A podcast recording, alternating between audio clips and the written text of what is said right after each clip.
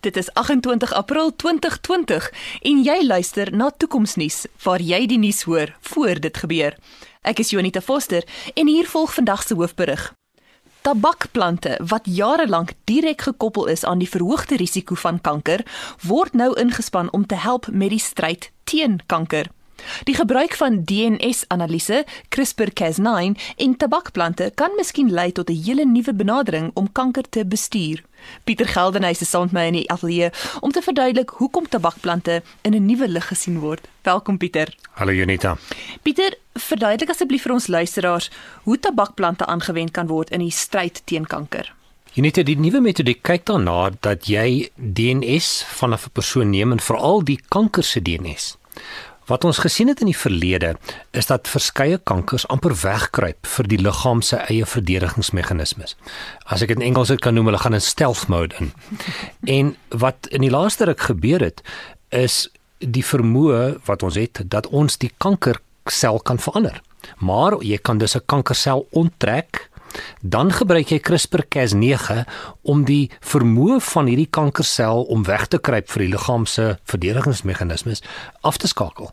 Jy skakel die stealth mode af.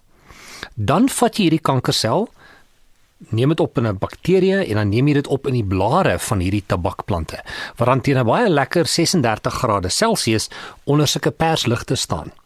En binne 4 weke groei jy dan jou eie kankerselle wat natuurlik 'n klein bietjie verander is binne in hierdie tabakplante. Na 4 weke onttrek jy hierdie vermenigvuldigde kankerselle en jy spuit dit in terug in die liggaam van die pasiënt. Maar nou het hierdie kankerselle eh, DNA-verandering of DNA-verandering ondergaan en hulle kan nou nie meer wegkruip vir die liggaam se eie verdedigingsmeganismes nie. En dit beteken dat die liggaam sê, "Aha, hier's iets wat nie moet wees nie en dan verander die witbloedselle om dan hierdie kanker aan te val. Met die verandering van die witbloedselle val dit dan ook die weg die kankerselle aan wat wegkruip. En daardeur kan jy dan die liggaam amper die vermoë gee om uh, kankerselle raak te sien en dan die wat wegkruip aan te val, die vermoë te gee om kanker beter te kan bestuur.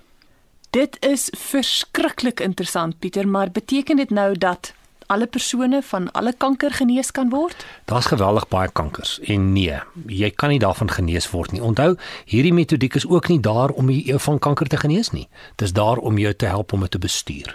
So Ehm um, die metodiek is nie gefokus juist daarop om jou in remissie te plaas nie, maar die vermoë te gee vir jou liggaam se uh, natuurlike prosesse om na indringers te kyk en jy, om jou te beskerm om jou eie liggaam die vermoë te gee om jou te help om kankers uh, of om die kankerselle te beveg.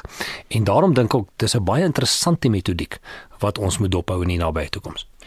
Waarvoor um, kan hierdie metodiek, hierdie tegniek nog gebruik word? Wat is die ander toepassings? Een van die ander toepassings is as 'n groot siekte uitbreek, sê maar Ebola, dan vat dit geweldig lank om 'n inenting stof daarteen te kry of 'n teenmiddel. Ehm um, as 'n mens kyk na die tradisionele manier hoe ons ons uh, verkoue inspuitings word tans in eiers gegroei en jy kan omtrent 'n halwe dosis kry na 6 maande.